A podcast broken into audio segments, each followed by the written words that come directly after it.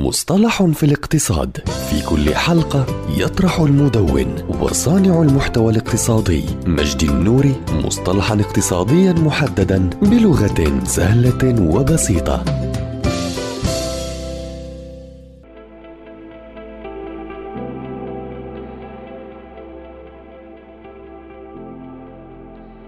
المهارات الصعبة. hard skills هي مهارات تقنية مطلوبة لوظيفة ما إنها قدرات مكتسبة ومكتسبة من خلال التعليم أو الخبرة. المهارات الصعبة مهمة لسيرتك الذاتية حيث يبحث عنها أصحاب العمل عند التوظيف ولا تترجم المهارات الصعبة وحدها إلى نجاح حيث يحتاج الموظفون أيضا إلى مهارات أخرى مثل المهارات الشخصية على عكس المهارات اللينة. يمكن قياس المهارات الصعبة. على سبيل المثال قد تكون المهارات الصعبة هي إتقان لغة ثانية بينما قد تكون المهارة الناعمة هي القدرة على العمل بشكل جيد في الفريق. أي بمعنى آخر فإن المهارات الصعبة تركز على القدرات والمهارات العملية بينما تركز المهارات اللينة على السلوكيات والشخصيات مثل المهارات الاجتماعية والتواصلية. وهنا فإنه يا عزيزي ضروري أن تفرق بينهما أثناء كتابتك لسيرتك الذاتية أو تحديثها. بما يتواءم